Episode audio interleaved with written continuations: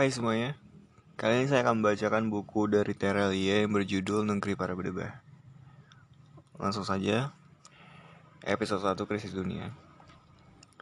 Pesawat berbadan besar yang kutumpangi melaju cepat meninggalkan London. Penerbangan ini non-stop menuju Singapura. Gadis dengan rambut dikuncir dan seperangkat touchscreen di tangan berisi coret-coret pendaftar pertanyaan, tersenyum gugup di kursi berlapis kulit asli di sebelahku. Aku sedang tidak berselera untuk tersenyum, cukup menyeringai, menatapnya datar. Silakan, kataku. Maaf, wawancara ini sudah berkali-kali ditunda. Kami sudah berusaha menyesuaikan jadwal, tapi begitulah. Tidak mudah mengejar kesibukan Anda. Dia sedikit percaya diri tampaknya. Senyumnya lebih baik. Aku mengangguk. Aku tahu, dan tidak perlu dijelaskan. Janji pertama bertemu di Jakarta kemarin pagi batal karena aku sudah berangkat menghadiri konferensi. Editor senior majalah mingguan itu spesial menelponku. Minta maaf, bilang wawancara ini amat penting, waktunya mendesak, pembaca setia mereka ingin tahu bagaimana cara terbaik menyikapi turbulensi ekonomi dunia saat ini. Apa pun akan mereka lakukan untuk mendapatkan materi wawancara, termasuk menyusulku ke London. Baiklah, aku memberikan waktu satu jam selepas konferensi. Lagi-lagi wartawan mereka datang terlambat di gedung konferensi dan aku sudah menumpang taksi bergegas menuju bandara. Editor itu kembali terburu-buru menelpon bilang mereka sudah berusaha mengirimkan wartawan terbaik mengejarku ke Eropa, tapi jadwalku terlalu padat untuk diikuti. Sambil tertawa dia bergurau, kau tahu Tom, Bahkan jadwalmu lebih padat dibandingkan presiden. Demi sopan santun, Ahok ikut tertawa, lantas berkata pendek. Kita lakukan saja sekarang di atas langit atau lupakan semua sekali. Seperti yang mungkin sudah disebutkan dalam email, ini akan menjadi sebuah judul di halaman depan. Garis dengan bus putih dan rok hitam konservatif terselutut itu masih melanjutkan dengan kalimat pembukanya. Anda tahu, terus terang saya sedikit gugup, bukan untuk wawancaranya, tapi karena saya begitu antusias. Ya Tuhan, saya baru pertama kali menumpang pesawat besar. Ini mengagumkan. Lebih besar dibandingkan foto-foto rilis pertamanya. Berapa ukurannya? Paling besar di dunia. Tiga kali pesawat biasa bahkan. Dan saya menumpang di kelas eksekutif. Teman-teman wartawan pasti iri kalau aku tahu redaksi, redaksi kami menghabiskan banyak uang untuk membelikan selembar tiket agar saya satu pesawat dengan Anda. Aku mengangguk. Lebih asik mengamati penampilan wartawan terbaik di sebelahku itu. Aku bergumam, Semoga isi kepalanya secantik penampilannya. Garis itu lebih cocok menjadi pembawa acara di televisi dibandingkan kulit tinta bergeri, bergenit ria dengan dandanan dan kalimat padahal kosong. Apa tadi kualifikasinya? Lulusan terbaik sekolah bisnis. Ada ribuan orang yang memiliki predikat seperti itu. Aku bahkan punya dua. Sejak kapan kau menjadi wartawan? Senyum riang gadis itu terlipat, meski ekspresi wajah terbaiknya tetap menggantung. Saya, ya, sejak kapan kau menjadi wartawan? Dua tahun. Dia menjawab ragu-ragu. Berapa usiamu sekarang? Usia? Um, 25. Ada berapa wartawan di kantormu? Hah? Ya anggap saja aku yang sedang mewawancaraimu. Aku menatapnya tipis, mengabaikan pramugari yang penuh sopan santun berlalang menawarkan kaviar serta anggur terbaik. Hampir 30. Menarik.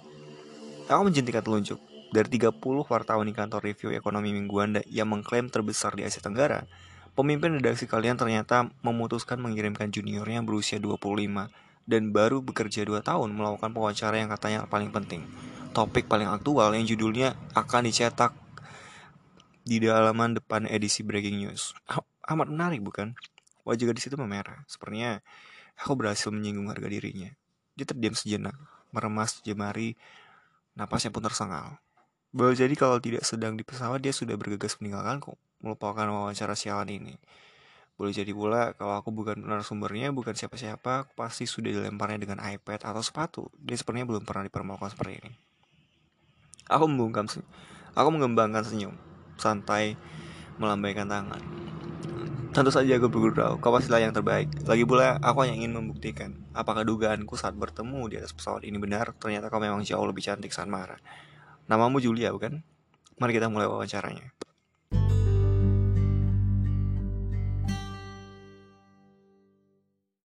Aku tidak terlalu suka bicara di depan ratusan orang yang satu pun tidak aku kenal. Berada di tengah pakar, akademisi, penerima hadiah Nobel Ekonomi, birokrat, atau apalah yang mentereng menyebut latar belakang masing-masing mulai dari kartu nama hingga basi-basi moderat moderator memperkenalkan sebenarnya membuatku muak. Ruangan dipenuhi praktisi keuangan dunia seperti pialang, petinggi sekuritas, direktur perusahaan raksasa, CFO, CEO, dan berbagai serta serata manajerial kunci. Mereka sejatinya adalah serigala berbalut jas, dasi mahal, sepatu mengkilat, tidak tersentuh dan diantar dengan mobil mewah yang harganya ratusan kali gaji karyawan hierarki terendah mereka. Penuh semangat bicara tentang regulasi tata kelola yang baik, tapi mereka sendiri tidak mau diatur dan dikendalikan. Sepakat tentang penyelamatan dan bantuan global, tapi mereka sibuk mengais keuntungan di tengah situasi kacau balau. Hanya satu alasan kenapa aku menghadiri konferensi konferensi ini meluangkan satu jam menjadi pembicara, bayarannya pun mahal. Alasan paling masuk akal bagi seluruh umat manusia. Si om teroris ini, maaf, saya bosan menyebutnya dengan krisis ekonomi global, subprime mortgage, atau apalah nama bintang binatang itu terlalu panjang dan mual mendengarnya. Setiap hari ada televisi, koran, radio, internet, bahkan sopir taksi tidak ketinggalan. Saya akan menyebutnya dengan om teroris saja. Ada yang keberatan? Aku mulai sesi pada pagi ini dengan santai bertopang lagu. Peserta konferensi antar bangsa pun tertawa. Ya ya, saya tahu di pojok sana keberatan. Aku pura-pura memasang wajah serius. Tapi di dunia dengan sistem ekonomi saling bertaut, tidak ada batas pasar modal dan pasar uang. Krisis seperti ini lebih menakutkan dibanding teror dari ekstrem kanan atau ekstrem kiri. Kita tidak pernah melihat indeks saham terjun bebas seperti hari ini ketika dulu menara WTC dihancurkan mungkin. Bahkan indeks tidak berkedut ketika kapal selam nuklir Soviet memasuki perairan Amerika di, air, di era Perang Dingin. Hari ini semua orang panik. Satu persatu seperti anak kecil menunggu jatah permen. Perusahaan raksasa mendaftar perlindungan kebangkrutan dan harga surat berharga menjadi sampah. Tidak lebih dari harga selembar kertas folio kosong. Aku ekspresif menjentik selembar kertas, membiarkannya jatuh dari atas meja. Orang-orang kehilangan dana pensiun, jaminan kesehatan, tabungan puluhan tahun, dan rencana pendidikan. Kita amat tahu, untuk orang-orang seperti kita, inilah teror sebenarnya. Rasa cemas atas masa depan, detak jantung mengeras setiap kali melihat tukikan grafik harga, potensi kehilangan kekayaan tidak bisa ditidur. Bahkan satu dua eksekutif puncak memilih bunuh diri. Peserta konferensi terbangsa tangsi mendengarkan, aku diam sebentar, meraih gelas air mineral, senang memperhatikan wajah-wajah menunggu mereka. Sayangnya, aku melemas rambutku, menghela napas. Om teroris yang satu ini tidak bisa ditusuk dengan pisau. Presiden kalian, maksud saya presiden di, me di meja pojok sana, bisa dengan mudah mengirim ribuan tentara, pesawat tempur, tank, bahkan kapal induk untuk memburu satu orang teroris. Khotbah tentang preventive strike memberikan rasa aman bagi segenap rakyat, mencegah teror meluas, sial. Om teroris yang satu ini bahkan tidak bisa dipegang batang lehernya. Bukan karena dia tidak bisa dilihat saja muasal kekacauan besar modal dan pasar uang kita amat terlihat. Tidak susah mengurai benang kusutnya. Kita tidak bisa menusuknya karena kalau kita kalau itu dilakukan, kita semua di sinilah yang pertama kali tertikam. Kita lah yang terlalu serakah dan kreatif menciptakan pola transaksi keuangan, membiarkan bahkan membuat nilai aset menggelembung tidak terkendali, mengabaikan resiko sebesar gunung Everest di depan hidung. Peduli setan. Sepanjang bonus tahunan terus membumbung dan semua fasilitas pesawat jet, perusahaan, hotel terbaik, liburan berkelas tetap ada, Temuan audit pun dibungkus baik mungkin. Peringatan awal dianggap angin lalu. Mulailah kita terbiasa mematut informasi, memberikan ke kemasan, melupakan bahwa itu semua ada batasnya. Ketika nilai surat berharga semakin lama semakin menggelembung, harga selembar kertas bisa setara berkilo-kilo emas. Padahal sejatinya dia tetap selembar kertas. Boom. Aku mengetuk mikrofon dengan jari, membuat hadirin sedikit tersentak kaget. Semua meledak, Ekonomi dunia remuk, krisis ekonomi global pecah dalam sekejap menjalar ke mana-mana. Bursa New York tumbang, memangkas kapitalisasi dunia miliaran dolar, disusul London, Frankfurt, Amsterdam, Paris. Dan hanya butuh sedetik berita mengerikan itu tiba di Bangkok, Singapura, Jakarta, Dubai, Sao Paulo, Sydney, bahkan Johannesburg. Semua orang panik. Kontrak future, harga minyak dan komoditas turun, perdagangan dunia terkulai, perekonomian melambat. Banyak negara menyatakan resesi, bahkan ada yang bergegas menyatakan bangkrut, meminta pertolongan. Hari ini kita sibuk berdiskusi sana-sini, menganalisis berandai-andai. Andai itu tidak lakukan, andai ada regulasi yang mengatur, tapi lebih banyak yang berandai-andai. Andai lebih dulu menjual lantas memasang transaksi short selling, andai uang tunai di tangan siap sedia, andai dalam posisi transaksi sebaiknya, itu akan jadi berkah tidak terkira, berpesta pora di tengah kerugian massal. Tuan, maaf saya menyela. Seorang peserta konferensi berkata tidak sabaran dengan bahasa Inggris sengau khas Indonesia Asia Timur, membuat sesi ruangan menoleh padanya. Sesi tanya jawab tersedia lima, di 15 menit terakhir. Bergegas moderator salah seorang profesor sekolah, sekolah bisnis ternama mengingatkan. Tidak mengapa silakan. Aku tidak keberatan, mengangguk. Hah? Moderator itu menatapku. Terima kasih.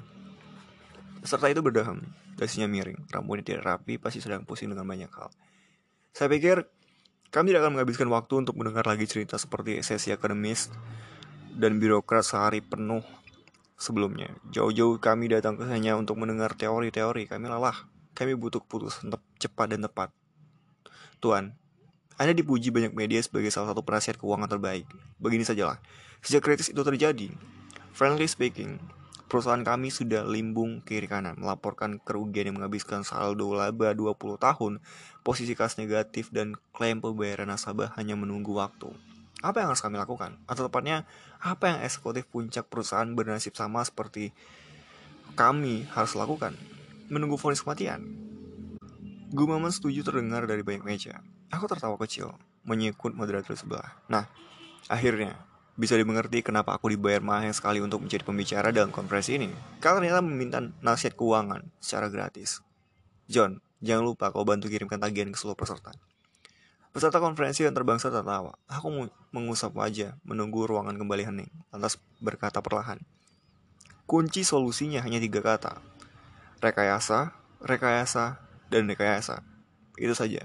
Sejak zaman Firaun, sejak zaman Sarses dan dari Persia, hanya itu solusi menghadapi krisis ekonomi besar, termasuk bagaimana menyelamatkan uang kalian yang terlanjur terbenam di perusahaan terancam bangkrut.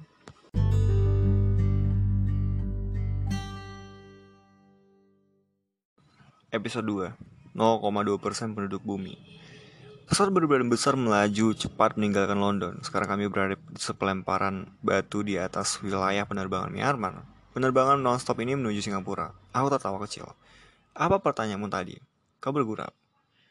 Aku konsultan keuangan profesional. Aku tidak peduli dengan kemiskinan. Yang aku cemaskan justru sebaliknya, kekayaan. Ketika dunia dikuasai segelintir orang 0,2% orang-orang yang terlalu kaya. Kami sudah menghabiskan anggur gelas pertama. Para mugari yang selalu tersenyum itu baru saja lewat lagi. Menawarkan gelas kedua. Aku menggeleng. Selepas mendarat di Singapura, penerbangan lanjutan menuju Jakarta sudah menunggu. Aku harus bergegas menuju lokasi Kopinju. Aku punya pertandingan penting malam ini. Bisa jelaskan lebih detail? Gadis dengan predikat wartawan terbaik di sebelahku bertanya. Ya, ku bayangkan ketika satu kota dipenuhi orang miskin, kejahatan yang terjadi hanya level rendah, perampokan, mabuk-mabukan, atau tawuran. Kaum proletar seperti ini mudah diatasi, tidak sistematis dan jelas tidak memiliki visi misi, tinggal digertak, beres. Bayangkan ketika kota dipenuhi orang yang terlalu kaya dan terus rakus menelan sumber daya di sekitarnya. Mereka sistematis, bisa membayar siapa saja untuk menjadi kepanjangan tangan tidak takut dengan siapa pun dan apa pun. Sungguh tidak ada yang bisa menghentikan mereka di selain sistem itu sendiri yang merusak mereka. Dari gadis itu di sebelahku terlipat, belum mengerti juga. Kau tidak mengerti ilmu ekonomi? Aku menyeringai.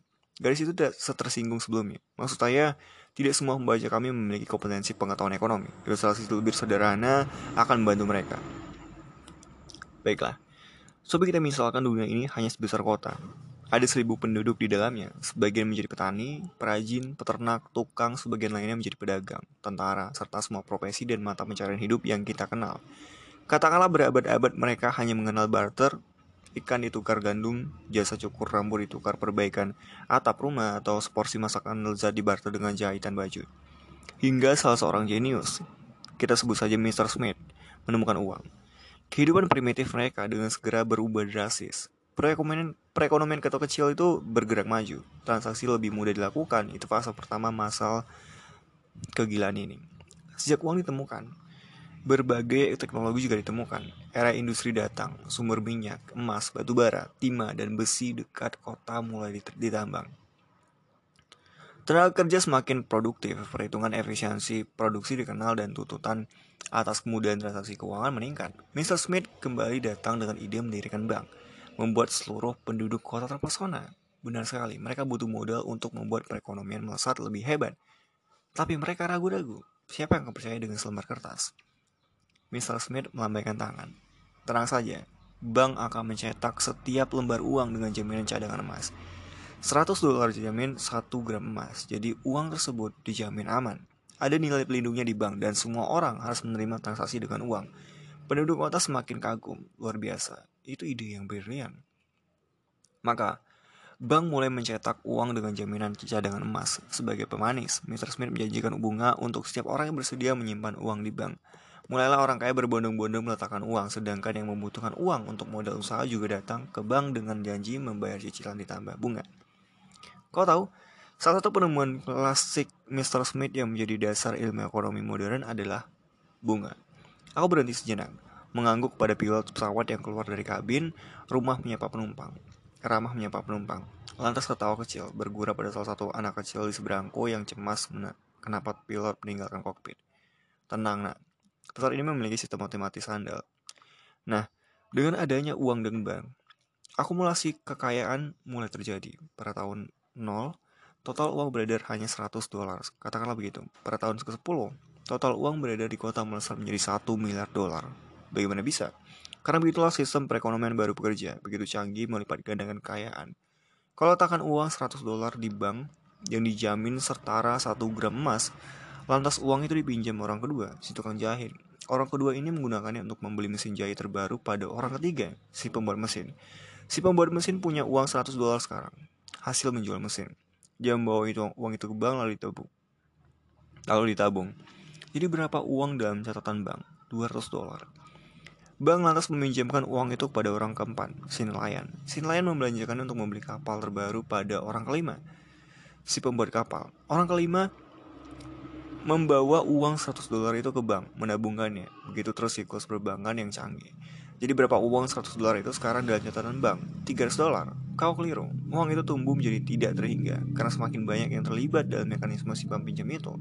Tanpa regulasi bank, harus menyisihkan kesekian persen sebagai cadangan. Efek pengalinya berjuta-juta tidak terhingga. Padahal come on, berapa sejatinya nilai uang yang dijamin di cadangan emas? Ya, hanya 100 dolar. Lantas bagaimana ribuan dolar lainnya? Itu hanya ada di kertas. Benar-benar ada di kertas. Dalam catatan bank. Dalam catatan kekayaan masing-masing. Perekonomian kota tumbuh tidak terbilang. Semua sektor produktif berlomba-lomba melaporkan keuntungan transaksi. Situasi berjalan aman-aman saja hingga puluhan tahun. Pada tahun ke-10, uang beredar di seluruh kota menjadi 1 miliar dolar dan situasinya mulai rumit. Hanya segelintir orang yang menguasai uang-uang. Mereka adalah penduduk super kaya yang terus rakus menambah nominal angka kekayaan mereka. Tidak pernah puas. Katakanlah pada tahun itu ada seribu penduduk kota yang meminjam uang untuk membeli rumah. Kita sebut saja kredit rumah. Uang pinjaman dari bank dibayarkan kepada tukang-tukang untuk membuat rumah dan tukang-tukang ternyata tidak menabung uang itu ke bank, melainkan dibelanjakan ke keperluan sehari-hari. Bank yang dikuasai segelintir orang kaya berpikir keras. Kalau begini caranya, lambat sekali mereka bisa menambah kekayaan. Uang itu tidak segera balik ke pundi-pundi bank. Tidak ada uang yang bisa diputar lagi-lagi. Lagi dan lagi. Tanpa uang, Sistem bunga tidak bekerja, kekayaan mereka melambat. Mr. Smith datang dengan ide lebih cemerlang. Dia ciptakan binatang yang disebut securitization. Bagaimana caranya? Seluruh kredit rumah itu jumlahnya ada seribu lembar surat perjanjian kredit. Kumpulkan saja jadi satu, lantas dianggap seperti produk. Macam seribu potong tempe atau seribu ekor kambing. Lantas dijual ke pemilik uang, penduduk super kaya lainnya. Dengan imbalan bunga sekian persen yang dibayarkan setiap bulan plus cicilan, tidak ada yang tertarik. Gampang. Tinggal naikkan bunganya, tambahkan bumbu-bumbu janji semua aman, semua dijamin. Kalau ada masalah, rumah-rumah itu bisa jadi jaminan. Ide cerdas. Tentu itu brilian. Bank yang tadinya kekurangan uang dengan cepat kembali punya uang. Banyak malah. Mereka tidak hanya sebagai pemberi pinjaman, tapi sekarang sekaligus sebagai nasabah bagi pembeli aset securitization tadi. Ini itu berhasil tidak terkira. Dengan uang hasil menjual seribu surat perjanjian kredit, bank langsung mengucurkan kredit berikutnya ke penduduk kota. Bank menerima pembayaran dari nasabah setiap bulan. Uang itu dipergunakan untuk membayar pemegang aset securitization. Semua terkontrol, semua baik-baik saja hingga tanpa disadari, aset yang pada dasarnya hanya selembar kertas itu menggelembung tidak terkira. Harga properti melesat naik. Harga komoditas tidak terkendali karena juga bermunculan derivatif transaksi keuangan lainnya. Mr. Smith menciptakan transaksi future. Minyak bumi atau gandum yang dibutuhkan 6 bulan lagi bisa dibeli sekarang. Lantas uangnya bisa diputar ke mana-mana, menjadi berkali-kali lipat. Dan boom, ribuan kredit perumahan tiba-tiba macet total. Orang mulai berpikir harga-harga sudah tidak rasional. Harga komunitas jatuh bagai roller coaster dan mulailah kekacauan merambat ke mana-mana. Bank tidak bisa menagih kredit ke penduduk kota, sedangkan pemilik aset securitization sudah mulai menagih. Panik. penduduk kota panik. Si pembuat perahu, si pembuat mesin bergegas ingin mengambil uang di bank. Padahal uang itu sudah dipinjamkan ke tukang jahit dan nelayan. Tidak ada uang di bank. Hanya catatan pinjam meminjam. Jaminan emas, orang lupa bahwa itu hanya untuk 100 dolar pertama. Posisi bank terjepit atas ke bawah. Tidak perlu seorang jenius untuk menyimpulkan bahwa hanya soal waktu seluruh surat berharga terjun bebas. Tidak ada lagi harganya. Krisis aset securitization ini merambat ke mana-mana. Itu yang terjadi di kota kecil tadi. Nah, itu yang terjadi di dunia saat ini. Sama persis. Krisis dunia akibat kredit perumahan misalnya di dunia sebenarnya nilai akumulasi ruang ratusan tahun sejak ditemukan jumlahnya triliunan dolar. Tidak terbayangkan. Kau tahu Julia, berapa total utang negara kita? Hanya 120 miliar dolar. Kecil sekali dibandingkan akumulasi uang dunia yang berjuta kali lipat, hanya 0,00. Uang-uang itu hanya dimiliki 0,2 persen penduduk bumi yang terus rakus menelan sumber daya. Uang itu butuh tempat bernaung. Mereka sudah punya mobil, rumah, berlian, pesawat pribadi, dan pulau pribadi. Mereka juga sudah membeli hutan jutaan hektar di Afrika, Asia, dan Amerika Selatan. Karena itu mereka ciptakanlah sebagai produk keuangan untuk menampungnya. Tidak puas mendapatkan 5% bunga bank, mereka menyerbu di ke obligasi dan saham. Tidak puas juga mereka menyerbu ke komoditas dan transaksi derivatif yang semakin rumit. Uang itu seperti ratu lebah yang beranak setiap hari, terus tumbuh, serakah. Uang itu butuh tempat untuk berkembang biak. Persis seperti mutasi genetik tidak terkendali. Padahal kita lupa, semuanya kertas bukan? Secara real, kekayaan dunia tidak berubah sejak uang pertama kali ditemukan. Jumlah cadangan emas yang meminjam uang hanya itu, itu saja. Kau tadi bertanya apa, Julia? Aku tidak peduli kemiskinan, peduli setan karena dari rusaknya itu itu saja, busung lapar, kurang gizi. Tapi kekayaan dari rusaknya mengerikan. Bahkan uang yang berlimpah itu membuat orang tidak peduli wabah, kelaparan, perusakan alam dan tragedi kemanusiaan lainnya. Kau pernah kuliah ekonomi bukan? Aku diam sejenak, menatap wajah gadis di depanku yang matanya membulan, masih mengunyah kalimatku. Aku pernah, 15 tahun lalu, salah satu dosenku adalah profesor penerima Nobel Ekonomi. Kau bisa membayangkan mahasiswa model apa aku di kelas. Aku pernah bicara tentang hipotesis bodoh padanya. Andai kata dunia ini tetap menggunakan barter, andai kata dunia ini tidak pernah mengenal uang dan bunga, dunia boleh jadi akan jauh lebih adil dan makmur. Profesorku tertawa. Thomas, bagi pialang pengelola dana reksa eksekutif puncak orang-orang pintar bagi kalian mahasiswa sekolah bisnis terbaik dunia, kalian pasti akan lebih bersyukur karena uang dan bunga pernah ditemukan. Kami berdebat, sia-sia. Profesor itu ringan melambaikan tangan. Kalau lupa petua bijak bapak ekonomi modern, pasar memiliki tangan Tuhan, Thomas. Dia akan selalu membuat keseimbangan, bahkan meski harus dimeledakkan keseimbangan sebelumnya. Jadi jangan pernah menulis macam-macam di kertas ujian atau kau tidak lulus di kelasku. Nasihat yang bagus. Sejak saat itu, aku tidak peduli omong kosong kemiskinan Julia. Apakah Anda seorang sosialis? Gadis di sebelahku akhirnya berkomentar setelah terdiam sejenak. Apa kau terlihat seperti sosialis, Julia? Aku tertawa, menunjuk sepatu menggilat yang kukenakan. Gadis itu tidak menggeleng, apalagi mengangguk. Ia belas menatapku datar. Lantas apa peduli Anda dengan jahatnya kekayaan? Bukankah Anda sendiri hidup dari orang-orang itu? Konsultan keuangan dengan bayaran tinggi, atau Anda jangan-jangan tipikal orang berpendidikan tinggi, pintar, kaya, memiliki pengaruh, tapi juga sekaligus paradoks dan memiliki kepribadian ganda. Aku menatap mata hitamnya. Nah, sekarang rasa percaya diri dan harga diri gadis ini sudah sempurna kembali. Dia sepertinya siap berdebat banyak hal di luar daftar pertanyaan. Sayangnya aku tidak berselera. Aku harus beristirahat sejenak di atas pesawat besar ini sebelum mendarat. Jadwal pertarungan penting pentingku menunggu. Aku rileks melambaikan tangan. Jika kau tertarik, kita diskusikan hal itu di lain kesempatan, Julia. Mungkin akan malam yang nyaman, tapi kita lihat dulu akan seperti apa hasil wawancara ini di majalah kalian. Semoga kemampuan menulismu sekinyis penampilanmu sekarang. Selamat malam. Gadis itu tidak dapat menahan ekspresi gregetan, kesal. Boleh jadi kalau tidak sedang di kelas eksekutif penerbangan maskapai internasional dengan pilot masih asik beramah tamah menyapa penumpang, dia akan menampar pipiku.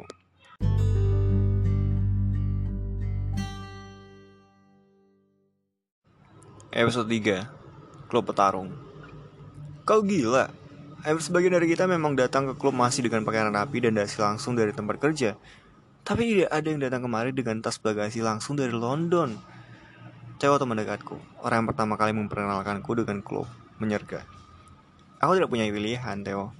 Jadwal konferensi itu sudah disusun sejak sebulan lalu. Juga jadwal sialan ini, aku harus menunaikan keduanya sekaligus. Aku melepas kemeja dengan cepat menarik sembarang kaos lengan pendek dari koper yang kubawa sejak keluar dari hotel konferensi. Kau sudah istirahat? Di pesawat misalnya? Theo melemparkan sepasang sarung tinju.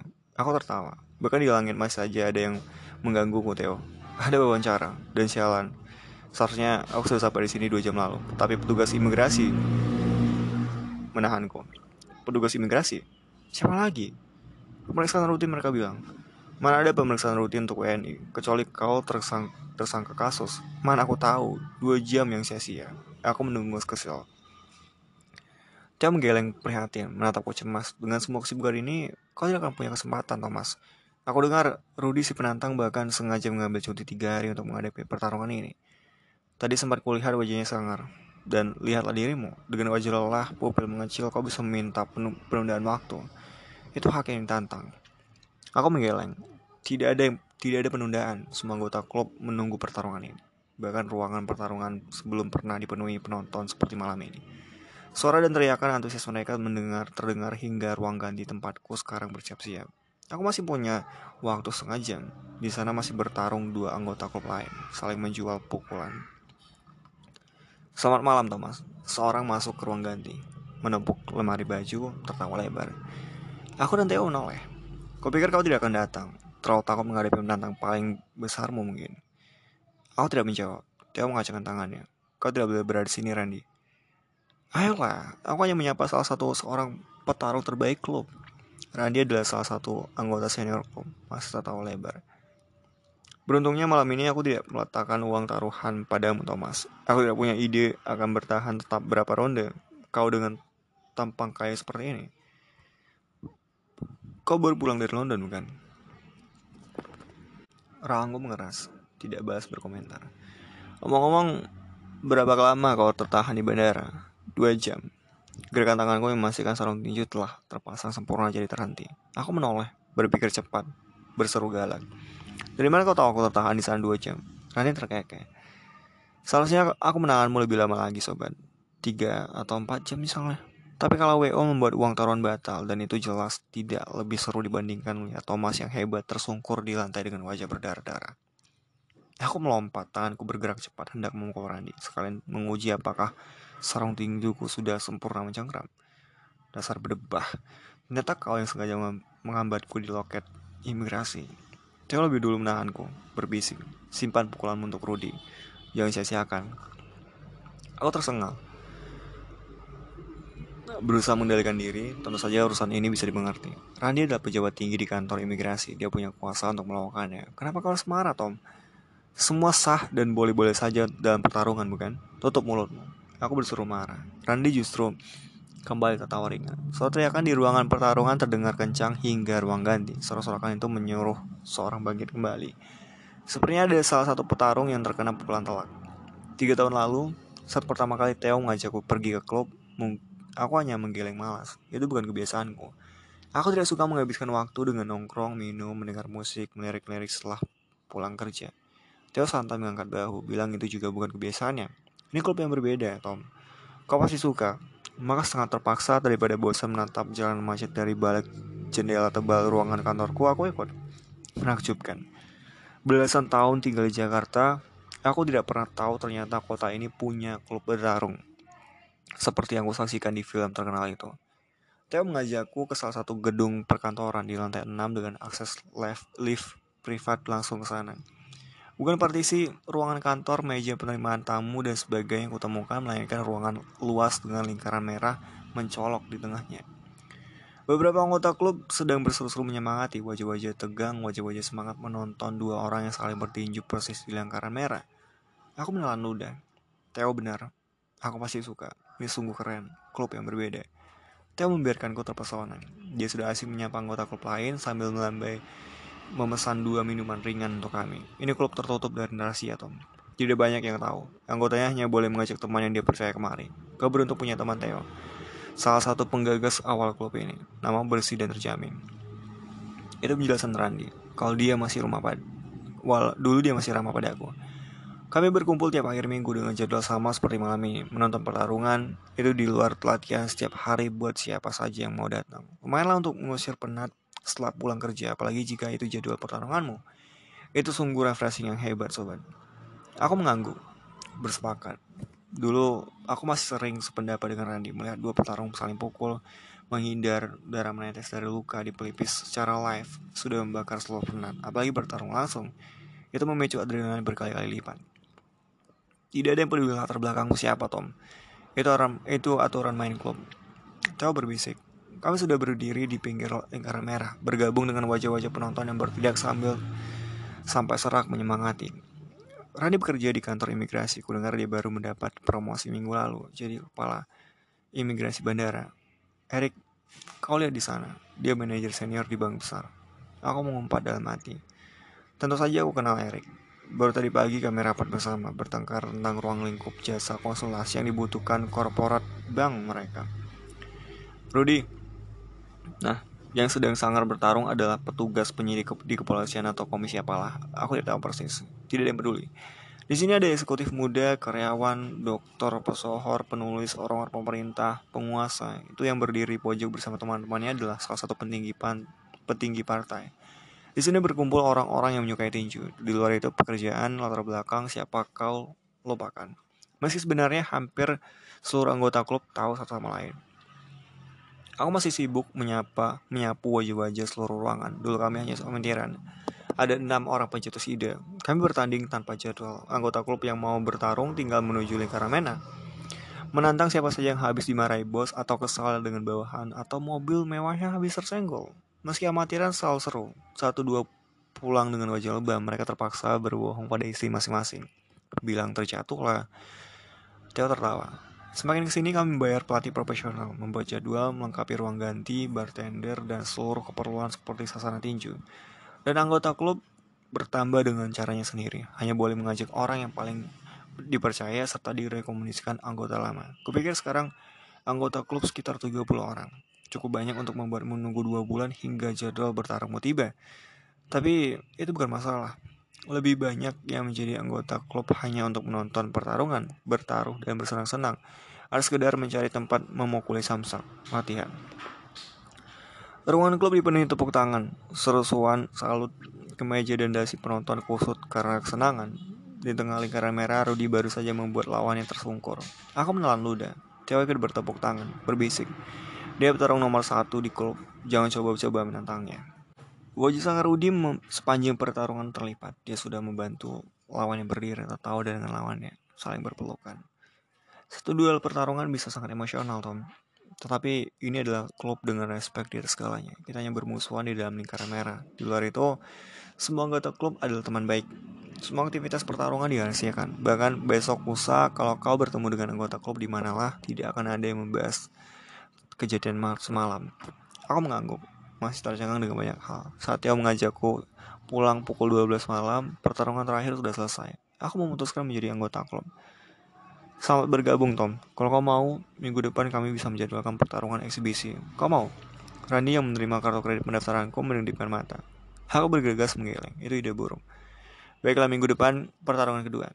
Tiga ronde masing-masing 5 menit. Melawan um, Eric. Ya Eric. Dia sudah sejak sebulan lalu menuntut jadwal bertarung. Nah, kau harus bersiap-siap. Rani tidak peduli dia tertawa lebar.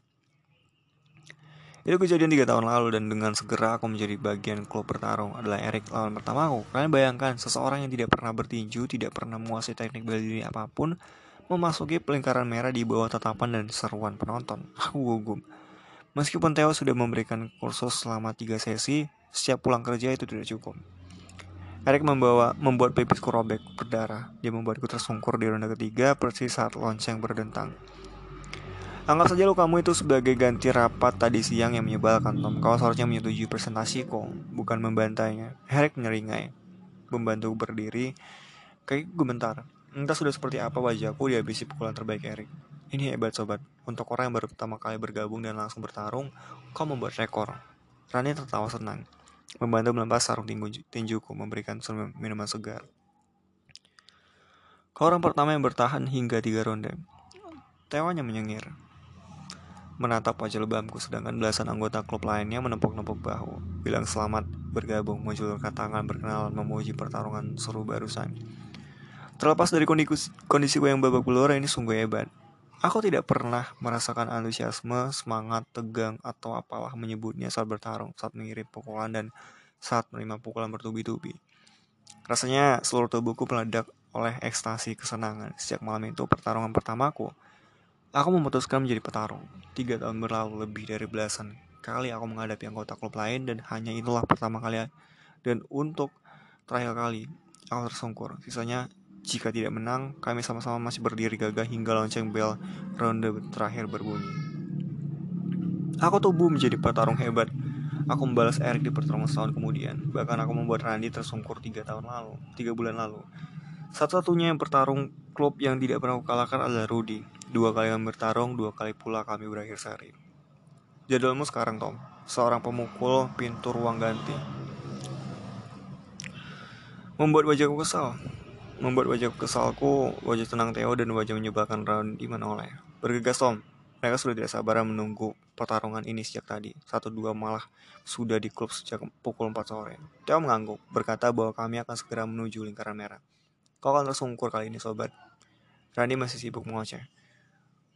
Tom akan mengalahkan Rudy. Theo yang menjawab datar sama seperti mengalahkanmu tiga bulan lalu. Aku bertaruh untuknya. Randy melambaikan tangan. Itu hanya kebetulan. Kalian curang, sengaja mengerjai, membuatku mulas saat bertarung, kali ini kau tidak punya kesempatan. Dia mengacungkan tinjunya, menyuruh Randy menjauh. Aku tetap tidak menjawab, melangkah masuk ke ruangan pertarungan. Sekarang kau tidak banyak bicara, sobat. Randy terkekeh. Catat ini, kalau kau berhasil mengalahkan Rudy malam ini, akan kau penuhi permintaanmu. Apa saja, bahkan jika itu termasuk meloloskan penjahat kelas kakap di gerbang imigrasi bandara. Teriakan provokasi Randy terdengar di belakangku. Aku sudah tidak mendengarkan. Terus menuju pusat perhatian penonton, beberapa anggota klub berseru-seru menepuk-nepuk bahuku, menyemangati, bilang, Kau harus menang Tom, habisi dia Tom. Ruangan klub penuh. Beberapa orang tidak aku kenali selalu menjadi saat yang dapat yang tepat mengajak anggota baru ketika pertarungan penting berlangsung. Antusiasme pertarungan memenuhi setiap dengkul dan setiap jengkal ruangan dan di lingkaran merah yang terangi lampu sorot berdiri gagah penantangku.